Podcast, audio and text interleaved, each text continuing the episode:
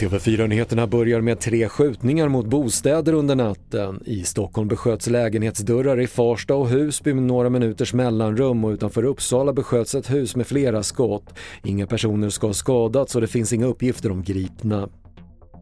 Det är fortfarande oklart vad som orsakade helikopterkraschen utanför Kiev igår då 14 människor omkom och 25 skadades. Ukrainas president Volodymyr Zelensky säger som svar på frågan om kraschen var en olycka att flera teorier är aktuella. Svenskarnas förtroende för kungahuset är stort och sju av tio vill behålla monarkin. Det visar en Novusundersökning som gjorts med anledning av att kungen i år firar 50 år som regent och en majoritet anser att kungen är en bra representant för Sverige.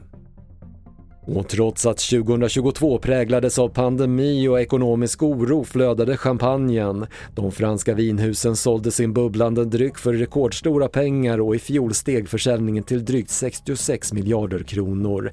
En anledning tros vara att fler köpt dyrare och äldre årgångsflaskor. Fler nyheter på TV4.se. Jag heter Patrik Lindström.